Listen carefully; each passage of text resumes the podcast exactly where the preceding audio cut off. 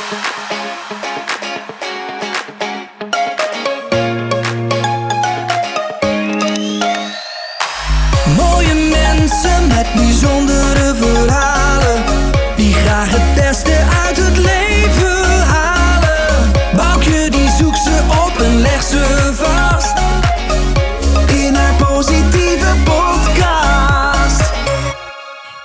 Positiviteitspodcast en mijn naam is Boukje Jongendijk.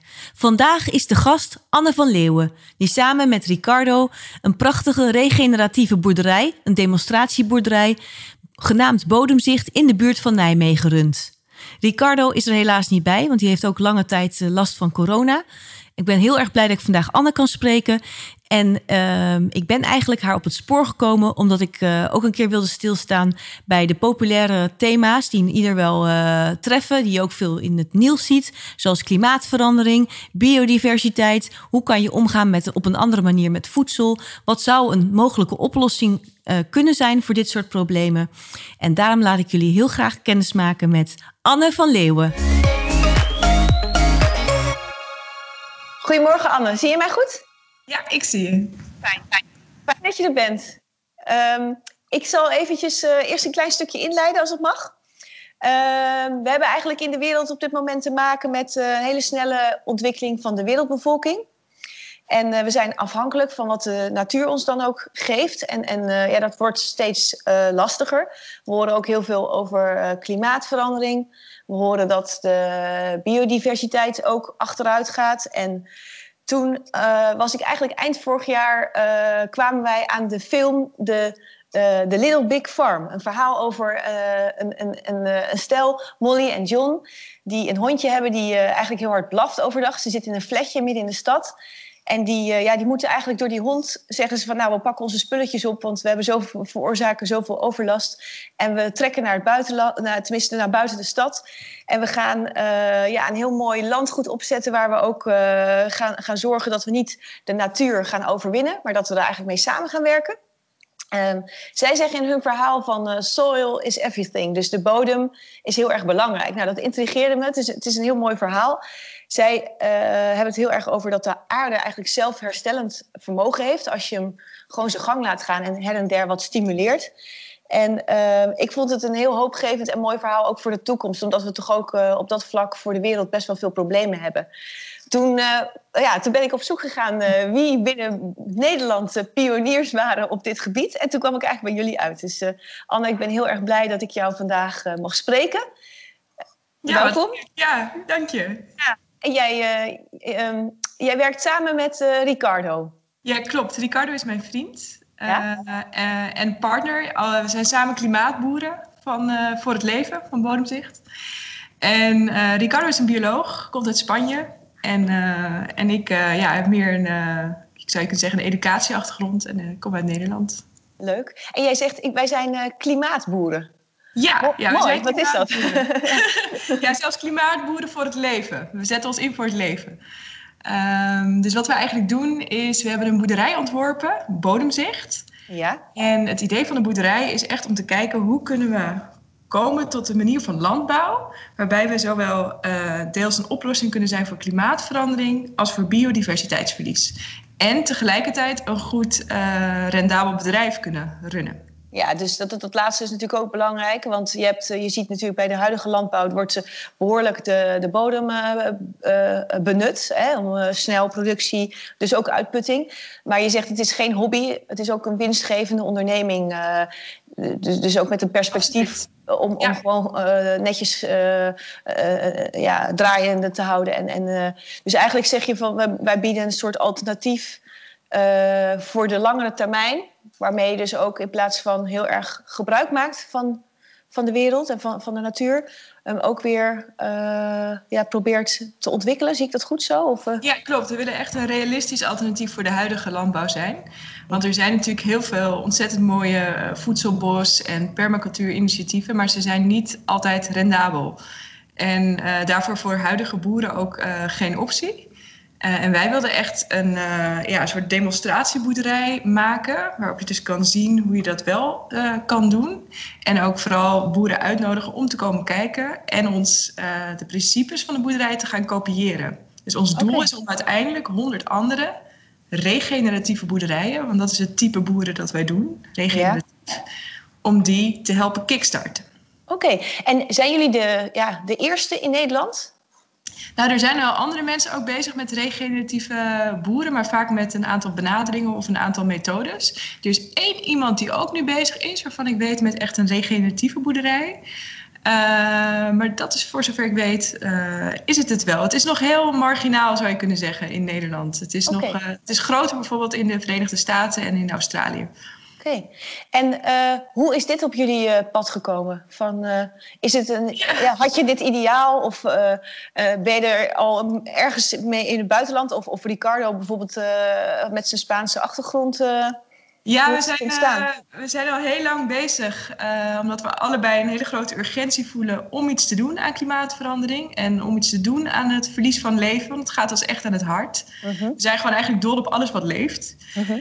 En ehm, het is natuurlijk schrikbarend om te zien dat in één generatie praktisch 40% van het leven is verdwenen. En dat doet ons echt heel erg zeer.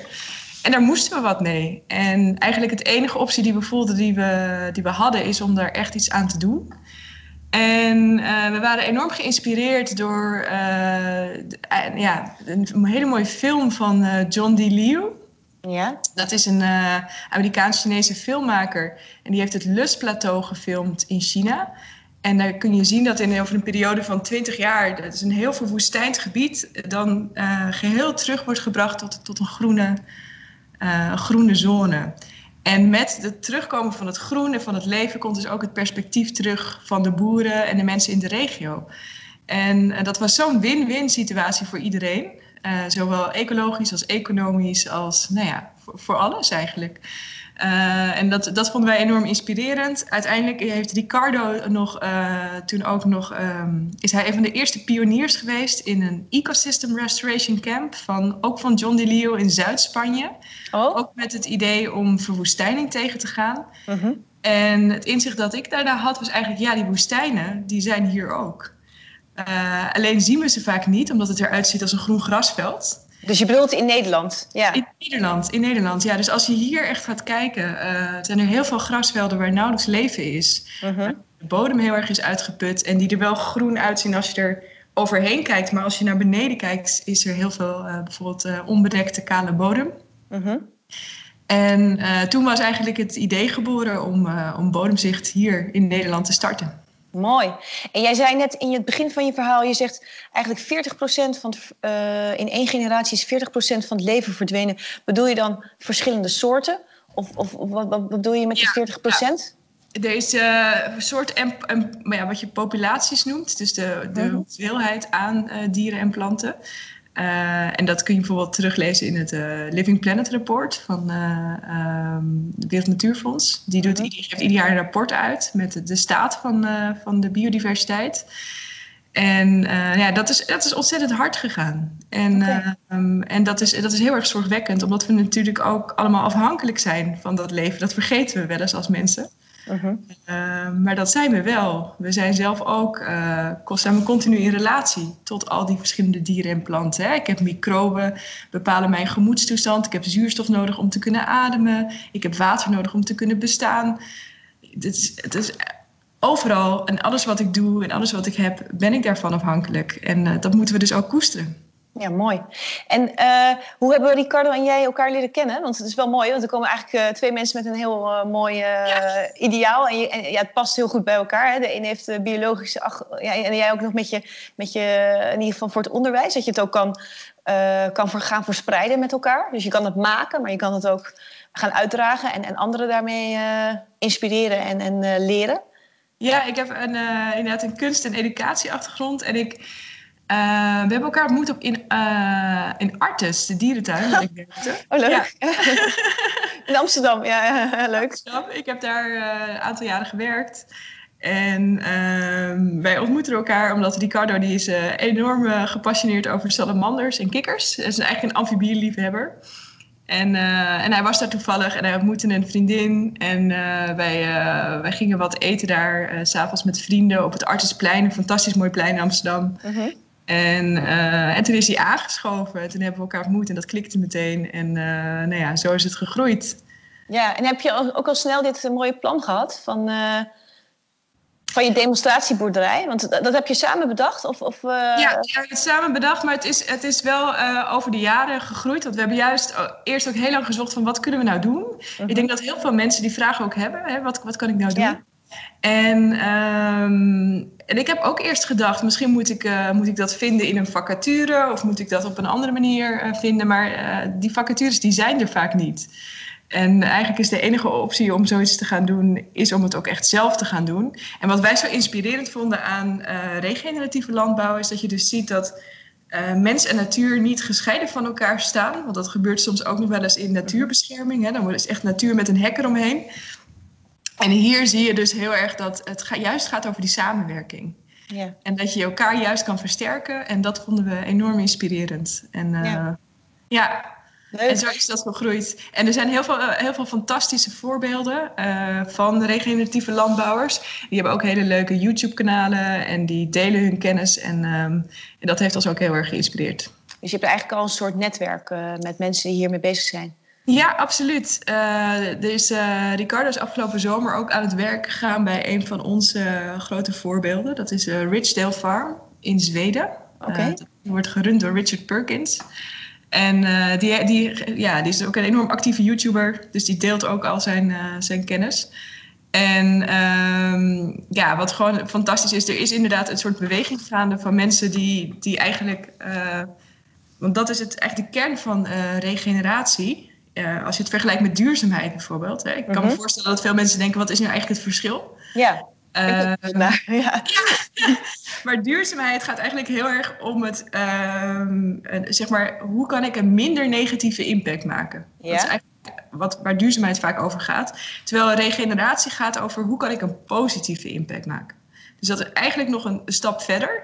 Dus hoe kun je niet alleen zorgen dat je ja, een minder negatief uh, negatieve voetafdruk hebt of zo. Maar hoe kun je nou zorgen dat je echt uh, nou ja, meer CO2 opslaat dan uitstoot? Hè? Meer leven ja. uh, het doet... dan, dan wegneemt. Ja. Het, doet me, het doet me ergens aan denken. Ik heb deze week een andere dame geïnterviewd, Frederike Banning. En die heeft... Uh, ja, die is uh, helemaal uh, into de positieve psychologie. En die is daar, heeft er 40, meer, meer dan 40 boeken over geschreven. En zij zegt ook van de, de traditionele psychologie is het probleem oplossen. Dan denk ik even aan duurzaamheid. Van de, je hebt iets en je gaat. En, zij, en die positieve psychologie die kijkt naar de sterke kantenbenadering. Dus wat, wat is er wel en hoe kan je het versterken? Dat vind ik hier ook best wel blijken als ik het nu zo hoor. Want je gaat eigenlijk iets wat er is, ga je versterken. En je gaat ook weer proberen er iets weer bij te krijgen, als ik het goed begrijp. Want ja. er zijn dus dingen verdwenen. Maar is het ook weer mogelijk dat er dingen die zijn verdwenen op den duur. Want het zijn wel volgens mij lange. Je moet wel een lange adem hebben, als ik het goed begrijp. Nou, maar het kan ook heel snel. En daar okay. dat waren wij ook door verrast. Maar het is um, uh, zo'n gedegradeerde bodem. Dus een bodem die er heel slecht aan toe is. En die een beetje eruit ziet als een woestijn eigenlijk. Uh -huh. uh, afhankelijk van waar je zit natuurlijk. En uh, wat het klimaat is. Maar um, ja, je kunt, zoals Richard Perkins, die heeft in. dus die Zweedse boer, die heeft -huh. in drie jaar tijd heeft hij 35 centimeter levende bodem gegroeid. Dus dat is gewoon fantastisch eigenlijk hoe snel je weer uh, de bodem terug kan brengen in een goede staat. En hoe, hoe, snel je dat leven daar ook weer in kan krijgen. En met dat leven komt de waterretentie. En met dat leven komt het vastleggen van CO2. En met dat leven, dus het gaat over en, en, en, en. En ik denk dat dat vooral uh, ja, het verschil is. En misschien ook wel die, die parallel die, die je net uh, uh -huh. schetst. Omdat... Um, we zijn natuurlijk heel erg geneigd om, ja, dat heet dan ja, reductionistisch denken. Hè? Van we hebben een probleem, er moet iets af. Ja. We hebben een probleem, we hebben een um, uh, eikenprocessierupsprobleem, dus die, die, die rups moet weg. uh, en, en door zo te denken hebben we natuurlijk over de tijd heen ook heel veel uh, leven verloren. -huh. We zijn continu aan het controleren en dan moet er iets af. En uh, het mooie is van uh, de principes achter regeneratieve landbouw. Dat is eigenlijk een mix van permacultuur, uh, van lean management uit de auto-industrie, wat ook wel grappig is dat het erin zit. En, um, en holistisch management. Dus eigenlijk, dat bedoel je ook met in zijn in geheel ja, ja, ja, en, die, die, en het, het, mooie daarvan is eigenlijk is dat het heel erg gaat over... de moet, nee, je hebt, je hebt een probleem, er moet iets bij. Dus het is okay. precies inderdaad die andere kant op. En uh, Bill Mollison, een van de uh, ja, founding fathers van de permacultuur, uh, die zegt dat heel mooi door te zeggen: ja, you don't have a slug problem, you have a duck deficiency. Dus je hebt geen slakkenprobleem, maar je hebt een eendentekort. Dus je ja. moet leren denken van: oké, okay, hoe bouw ik mijn boerderij goed op en wat, wat ontbreekt er misschien als ik een probleem heb, in plaats van wat moet er af? Ja, en je zei, je noemde net drie pijlers. En die eerste, als ik het goed heb uh, vernomen, was permacultuur. Klopt. Ja. En, en, en, dat is, wat is dat precies? Permacultuur is eigenlijk een, een uh, je zou het een ontwerpprincipe uh, kunnen noemen. Okay. Waarbij je dus inderdaad ook op de lange termijn gaat nadenken hoe je natuurlijke processen deel kunt maken van je landschapsontwerp. en het is dus ook een manier van landbouw. Uh, waarbij je, ja, eigenlijk, je zou kunnen zeggen, natuurinclusief denkt. Oké, okay, mooi. Ja. Um, Anne, en nou was het in Nederland, was het er nog eigenlijk bijna niet. Um, hoe wisten jullie dat, ja, hoe, hoe durfde je dit aan, hè? dat je het ging waarmaken? Van, uh, het is natuurlijk best een stap, hè? Ja, ja is een hele stap. Ja. Uh, want je zegt je baan op, uh, ja. je gaat er helemaal voor natuurlijk. Um, ja, eigenlijk wat ik al eerder zei, omdat het niet anders komt voor ons. Uh, heel simpelweg. Ik dacht, ja, ik, ik, ik, ik, ik kan mezelf niet in de spiegel aankijken over tien jaar. Uh, en het is vier graden warmer in plaats van de twee. Ik bedoel, die twee graden gaan we waarschijnlijk niet halen. Maar uh, ik ga er wel alles voor doen. Ja, de ambitie is er zeker. Ja, gaaf. Ja. ja, dus eigenlijk heb je hard gevolgd en gewoon ja. je, bent, je bent het gaan doen. Ja, ja, ik kan het iedereen aanraden. Het is fantastisch. Ja, en denk, ja, zeker wat jullie doen, maar ook, je bedoelt eigenlijk ook in zijn algemeenheid. Hè? Van als je, als je een ja, ideaal hebt. Ja, ik denk echt dat als... Uh, hè, wij hebben ons ook zelf die vraag gesteld. Wat voor wereld wil ik nou eigenlijk leven? Uh, en wat voor leven wil ik eigenlijk leiden? En ik denk dat, dat we allemaal die vraag uh, zouden moeten stellen. En ik bedoel, tuurlijk, het is niet, niet altijd makkelijk. En je loopt de risico's. En ik weet niet hoe het gaat. En, nee. Uh, het is spannend en zeker nu in, het, in coronatijden. Maar um, ik heb er geen moment spijt van. Nee, Mooi. ik vind het fantastisch. Anne, kan jij, kan jij uh, ons vertellen waar jullie plek is? Waar, je nu, uh, ja, waar, je, ja, ja. waar, waar de locatie echt, is? pal naast de stad Nijmegen. Oké. Okay. Dus we zitten echt op een heel mooi landgoed. landgoed Grootstal. we hadden een hele leuke klik met de landeigenaar hier, die ook transitiecoach is. Dus die werkt ook aan de transitie. En uh, ook heel erg met voedsel bezig is. En uh, ja, we zijn nu begonnen dit jaar. En uh, we hebben nu de No Dig Market Garden aangelegd. Dus dat is een groentetuin waarbij we niet ploegen. Oké. Okay. omdat als je ploegt, dan, nou ja, dan vernietig je je bodemleven. Wat wel logisch is, want je gaat natuurlijk gewoon met messen door de bodem heen. Uit elkaar, hè? Ja. ja, en wat je ook doet, is eigenlijk je draait de bodem om. waardoor de koolstof uit de bodem bloot komt liggen. Mhm. En die oxideert in CO2. Dus je verliest eigenlijk je koolstof uit de bodem en dat wordt CO2. Dus dat draagt weer bij aan het klimaatprobleem. Uh, dus wij ploegen niet. Uh, in plaats daarvan hebben we dus van die mooie lange groentebedden aangelegd en hebben we gewoon compost direct op de aarde gestort. Met daartussen paden van houtsnippers. En daarop uh, verbouwen we al onze, al onze groenten, die, ja, groenten die iedereen kent: courgettes, wortels, sla. Ja, ja, dus je, als ik het goed begrijp, het systeem is ook vooral ook intact laten wat er is. Begrijp ja, ik dat goed? Ja, ja, zoveel mogelijk intact laten wat er is en vanuit daar verrijken. Dus eigenlijk ja. van zo die, met uh, onze productie dus ook het bodemleven te verrijken. Ja, en hoe uh, kwam je aan deze mooie plek? Uh, is, ja. Ja, we hebben heel lang een soort van gedate met landeigenaren en boeren zonder opvolgers. Oké. Okay. Uh, en dat, uh, nou ja, heel lang, ja, drie kwart jaar, een jaar, zoiets. En we hadden een plan, we hadden een soort van droomplan geschreven. Uh, en daarmee zijn we heel veel koffie gaan drinken. Mag ik eens vragen? Want jullie ja? kunnen heel mooi tekenen. Volgens mij, Ricardo heeft heel mooie tekeningen op jullie ja, website. Was dat droomplan, was dat in letters? Of ik kan me voorstellen bij jullie helemaal dat het een soort tekeningachtig iets was? Ja, we hebben het ook getekend. Oké, okay, leuk. We hebben het ook getekend. We hebben eigenlijk eerst een soort ja, een soort template zou je kunnen maken van hoe de boerderij, wat de principes zijn van de boerderij. Die hebben we ook getekend. En, um, en daar, ja, daar hebben we de belangrijkste uh, principes in uitgelegd. Dus bijvoorbeeld dat uh, om het, het is eigenlijk een, bestaat eigenlijk, als je het een beetje voor kunt stellen, uit de groentetuin, hè, waar ik het net over had, de no-dik groentetuin, een bessenboomgaard en een groter landschap. Dat er een beetje uitziet als een soort open bos, weidelandschap. En uh, dat heet in het Engels silvopasture. En wat we eigenlijk gaan doen, is in dat grote landschap gaan we met kipmobielen ja, wat is een kipmobiel? ja, een kipmobiel is gewoon eigenlijk een, een, groot kippenhok op wielen. Uh, dat we iedere dag kunnen verplaatsen. Oh. Uh, dus wat we gaan doen, is we hebben eigenlijk een soort parcours gemaakt tussen de fruit- en notenbomen door. Dus we gaan carpoolen met z'n allen. Ja, ja, ja, ja, En dan is het gewoon uh, de kipmobiel en die gaat dan naar de start. En dan na een maand ongeveer is die weer bij start, die kipmobiel.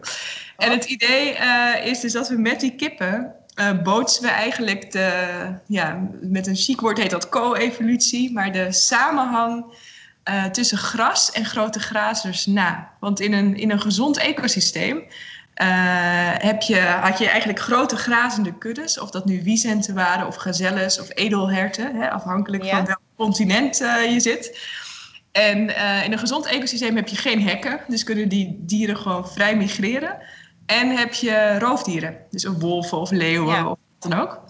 En door die roofdieren staat een kudde eigenlijk uh, dan heel dicht op elkaar, normaal. Mm. En uh, doordat die kudde zo dicht op elkaar staan, hebben ze dus een uh, hele grote impact op het gras op één plek.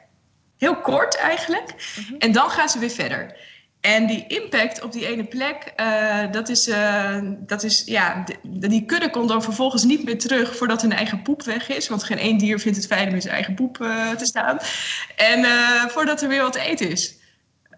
en wat we dus doen met die kipmobielen is dat we precies die dynamiek gaan we nabootsen met een hele grote hoeveelheid kippen. Die dat dus ook gaan doen.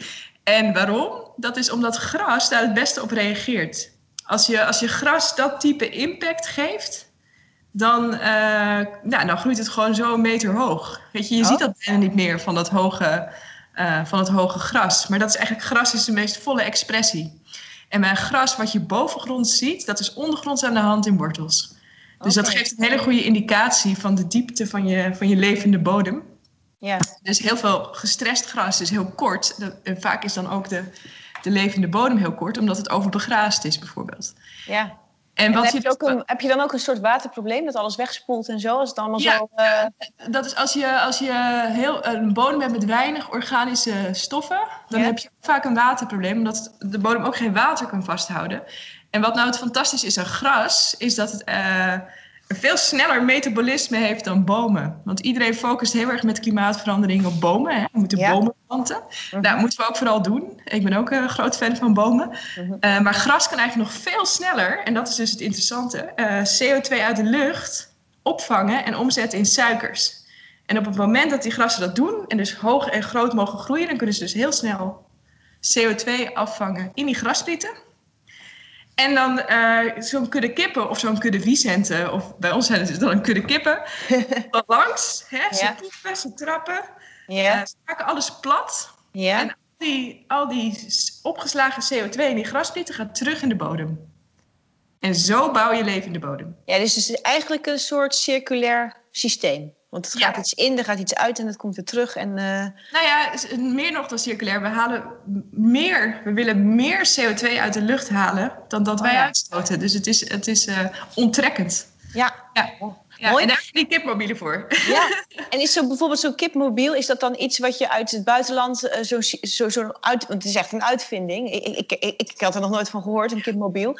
Maar is dat dan iets wat jullie samen hebben bedacht? Of is dat dan in dat hele netwerk uh, van wat er al bestaat... Dat, dat er dit soort uitvindingen worden gedaan? Ja, die uitvindingen worden zeker gedaan in het netwerk, uh -huh. uh, internationaal. Alleen de meeste kipmobielen die er zijn, die zijn voor tractoren ontworpen... En dat, uh, dat willen wij niet, want we willen geen uh, fossiele brandstoffen uh, gebruiken. We willen eigenlijk alleen zo'n elektrische UTV, weet je, een soort golfbadje. Um, en daar willen we onze kipmobielen achter kunnen zetten als een soort treintje. Dus we willen lichtere en handzamere kipmobielen. En tot nu toe zijn ze ook wat ons betreft nog niet zo heel erg slim ontworpen. omdat ze toch wat onhandig zijn in onderhoud en het weghalen van de eieren, et cetera. Uh, dus wij uh, zijn nu bezig met het ontwerpen van onze eigen kipmobielen. Die worden, nu gebouwd. Gaaf. En, en Anne, van, ik las eh, op jullie website dat jullie volgens mij met heel veel, ja, allerlei soorten mensen ook samenwerken. Ik las iets van kunstenaars, wetenschappers, eh, eh, doeners, denkers. dus je hebt eigenlijk ook voor dit, ja, met z'n tweeën, jullie zijn de trekkers ervan. Maar je hebt dus ook nog een heleboel mensen die ja, eigenlijk hierin meedenken. Klopt, nou ja, uh, vooral mee helpen. Uh, het vervelende is dat we de afgelopen weken, dus uh, Ricardo dus nu nog steeds ziek is van corona. Ja. dus we komen enorm handen tekort in ons opstartjaar. En, ehm, Want jullie zijn echt net begonnen, hè? Van, we zijn echt net begonnen, ja, het is heel pril. Wat, zijn, wat, was, wat was dag één, zeg maar? Van, was dat al in corona of was dat net daarna? Het, was, net, het was net voor.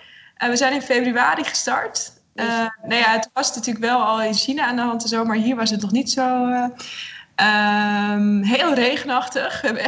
De stromende regen uh, groentebedden, compost lopen te verslepen. Ehm, maar ehm, ja, en daarna is het eigenlijk is het stil komen te liggen, omdat zowel ik corona had als Ricardo. En ik ben er drie weken bij zoet geweest. En Ricardo is nu nog steeds na zeven weken. Jeetje, joh, ja. Ja, thuis. Dus het, is, eh, het is heel hardnekkig. Maar daartegenover staat dus dat we... Uh, we hadden dus hulp nodig. Maar ja, je kan natuurlijk niet heel veel mensen uitnodigen... want het is coronatijd. Dus je kan maar een paar per dag. Ja. En iedereen moet natuurlijk afstand houden. En, uh, maar we hebben wel uh, de afgelopen weken dus druppeltjesgewijs hulp gehad van fantastische mensen. En het, het mooie vond ik om daarvan te zien is dat het zulke verschillende mensen waren. Dus dat je toch merkt dat het heel erg leeft. Er zijn heel veel mensen die zijn toch met voedsel bezig en die met landschap. Hè, die, heel veel mensen ervaren ook een soort landschapspijn. Dat ze zich niet meer kunnen verhouden tot die, tot die kale landbouwwoestijnen. Mhm. Ehm, en ook ja, meer binding willen met het landschap. Meer binding willen met de plek waar voedsel vandaan komt. En uh, nou, daar hebben we fantastisch hulp voor gehad. We hebben hulp gehad van mensen, van, uh, mensen die werken bij Greenpeace, bij Albert Heijn, bij Patagonia, uh, drogers, dijkenbouwers uh, waterschapmensen, uh, kunstenaars, uh, wetenschappers, studenten. Nou, hele leuke mix. Mooi. Hele verschillende mensen die, het, ja, die zich ook, ja, die er ook positieve energie van krijgen. Leuk, ja, heel mooi. Echt heel mooi. En uh, Anne, jij had het net even, even, even nog terug naar die kippen. Dat vind ik gewoon boeiend. Want uh, landbouw is, uh, soms denk je alleen maar aan, aan, de, aan de planten en dat soort dingen. Aan, aan, aan de producten. Maar hebben jullie nog meer dieren die in jullie, ja, binnen jullie principes een rol spelen? Of, of op, op termijn? Ja, ja, allereerst natuurlijk heel veel wilde dieren. die niet zozeer als landbouwdier boek Maar ik bedoel, ik, al, al die dieren die, die een rol spelen in het systeem, dat zijn natuurlijk ook gewoon regenwormen en insecten. En, uh, oh ja, de kleine species. Ja, die zijn ongekend belangrijk. Ja. Um, uh, verder uh, zullen er waarschijnlijk ook een aantal ganzen zullen er komen. ook omdat het goede waakdieren zijn, dus die kunnen ook de oh. kippen weer helpen beschermen. Oh ja. Het zijn goede waakhonden. Ja, ik zit even te denken. Ja, leuk. En we hebben het eerste jaar hebben we ook een samenwerking met een koeienboer uit de regio. Uh, die zal een deel van ons land begrazen. Mm -hmm. Dus we hebben de, de groentetuin en hebben het, het bosweidedeel. Dat is ongeveer 5 uh, hectare. Mm.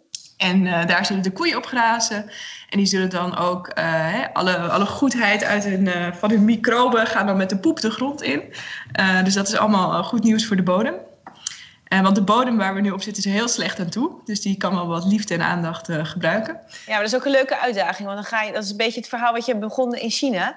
Dat je dan ja. uh, op een gegeven moment, ja, met, met jullie aandacht en alles wat je doet, dat je dus gaat zien dat het ja, weer goed gaat worden. Ja, ja, wij hebben zeker ook een soort woestijn ja. als startpunt. Ja. Uh, en we doen er alles aan nu om daar al meer diversiteit in te brengen en meer leven. We hebben al wat ingezaaid. Nou, de koeien komen dus zo. in de toekomst nemen we misschien nog twee mini-ezels. Ook om Ricardo een beetje aan Spanje te, te doen herinneren. Leuk.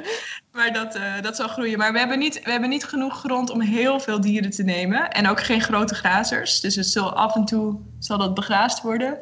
Uh, maar het zijn eigenlijk vooral de kippen. Uh, die er zullen zijn. Ja. Mooi. En je zegt eigenlijk die koeien die mag je dan even, nou ja, zeg maar lenen van een andere boer. Maar ik kan me voorstellen dat je ook in, in de omgeving traditionele landbouw hebt. Uh, kijken die met ja. ogen naar jullie? Of hoe, uh, hoe gaat nou, dat? Dat hangt heel erg van de boer af. Hè? Ik bedoel, dus er zijn natuurlijk ook heel veel boeren wel bezig uh, met ook nadenken over hoe ze meer natuur-inclusief kunnen boeren. En, en heel veel boeren maken zich natuurlijk ook zorgen, omdat ze ook wel zien dat. Um, ja, dat, weet je, dat er steeds minder grondwater is, of dat er andere problemen zijn met de bodem.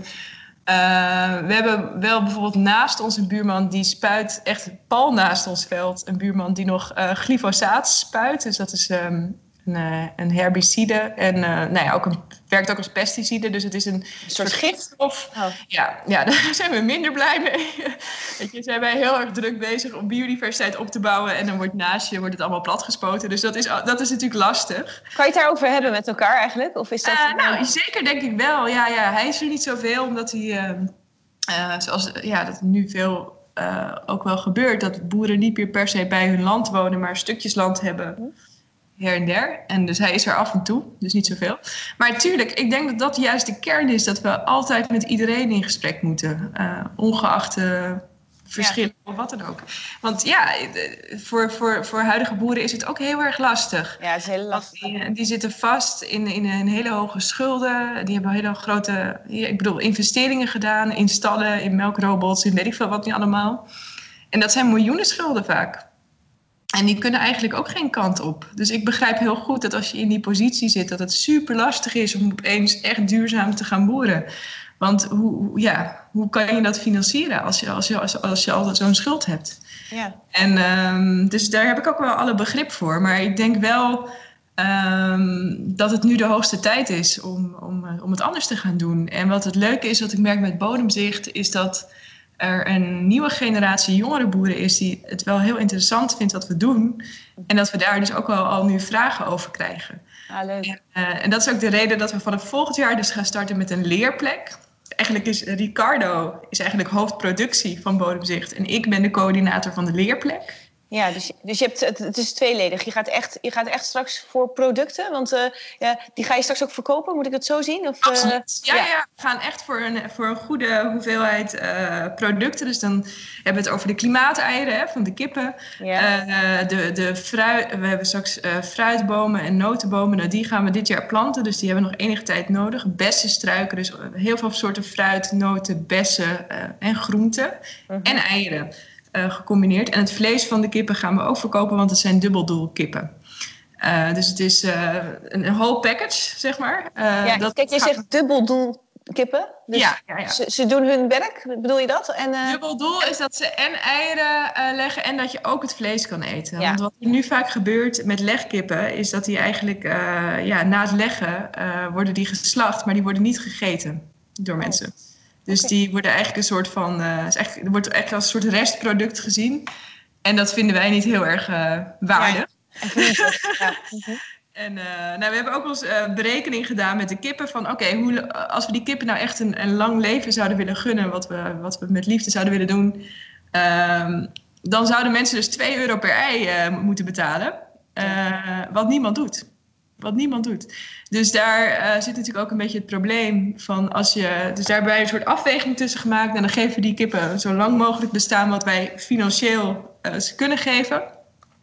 Maar dan zorgen we wel dat die kippen ook nog uh, echt goed kunnen worden opgegeten, zeg maar. En niet als een soort restproduct worden afgevoerd.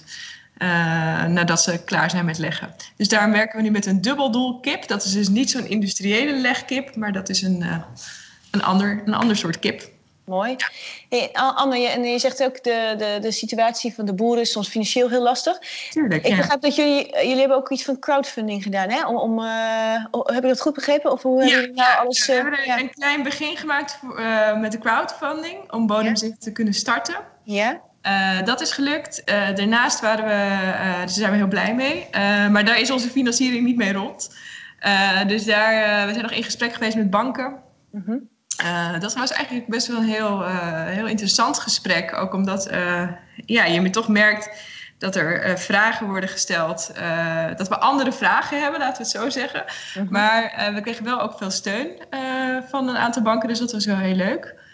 Ondanks dat wij een heel klein project waren voor een bankenportfolio. Mhm. Ehm, en dat wij ehm, ja, atypisch waren, zeg maar. ja. Dus, dat, uh, dus daar stonden ze op zich wel voor open. Maar ik merkte heel erg aan de vragen. Hè. Ik kreeg vragen als wil je dat dan niet uh, franchisen? Of wil je niet dit of wil je niet dat? Zeg maar nee, daar hebben we eigenlijk helemaal geen interesse in. dus, uh, het, is een ander soort van denken. En tijdens dat gesprek met de banken... Um, ja, uiteindelijk hebben we, een, hebben een andere prijs gewonnen. Ja, ik kan de naam nog niet noemen, want het is nog niet nee. Maar, uh, en dat is nu onze hoofdfinancier. Ja. Oh, leuk. Ja.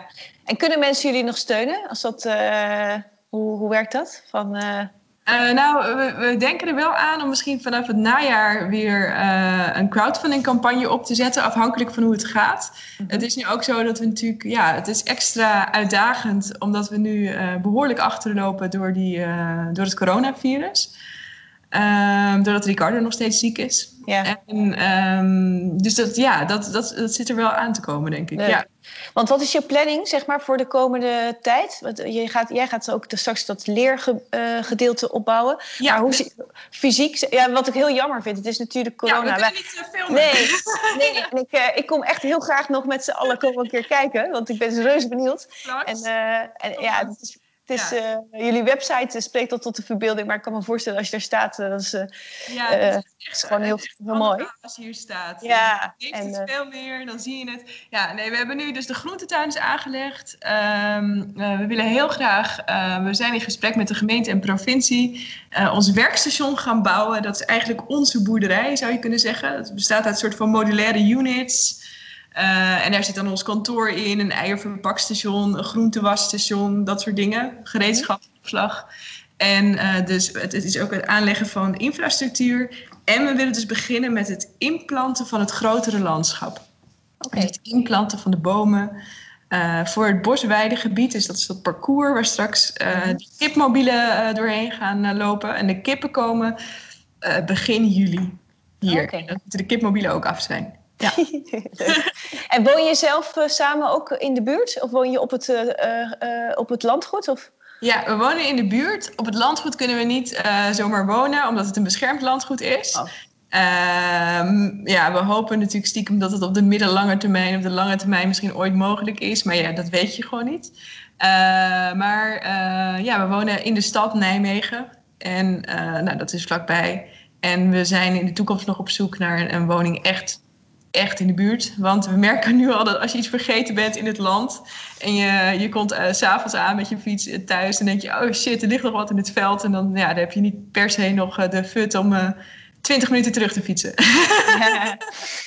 Anne, ik was even ook nog benieuwd van als mensen hier meer over willen weten. Van, ik zag jou op een foto met een boek staan, Gaia.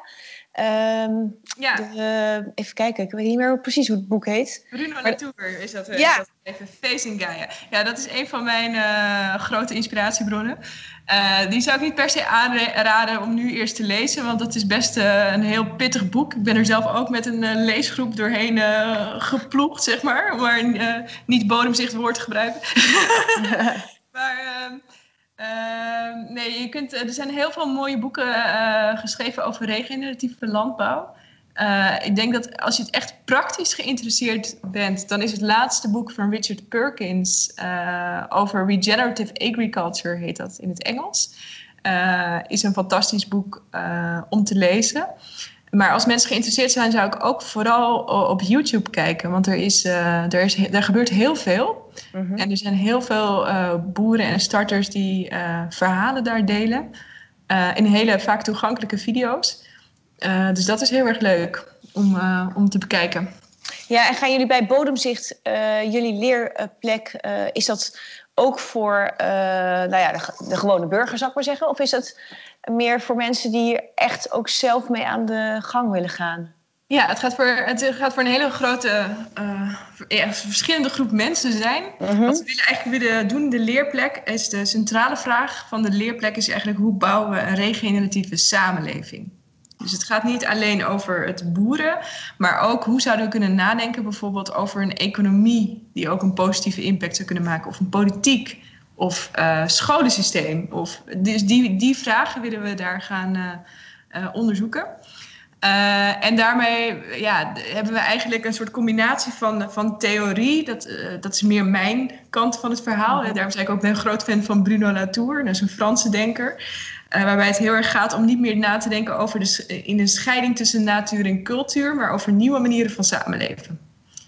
Tussen mensen en planten, dieren, dingen, microben. Hoe kunnen we samenleven op een meer inclusieve manier.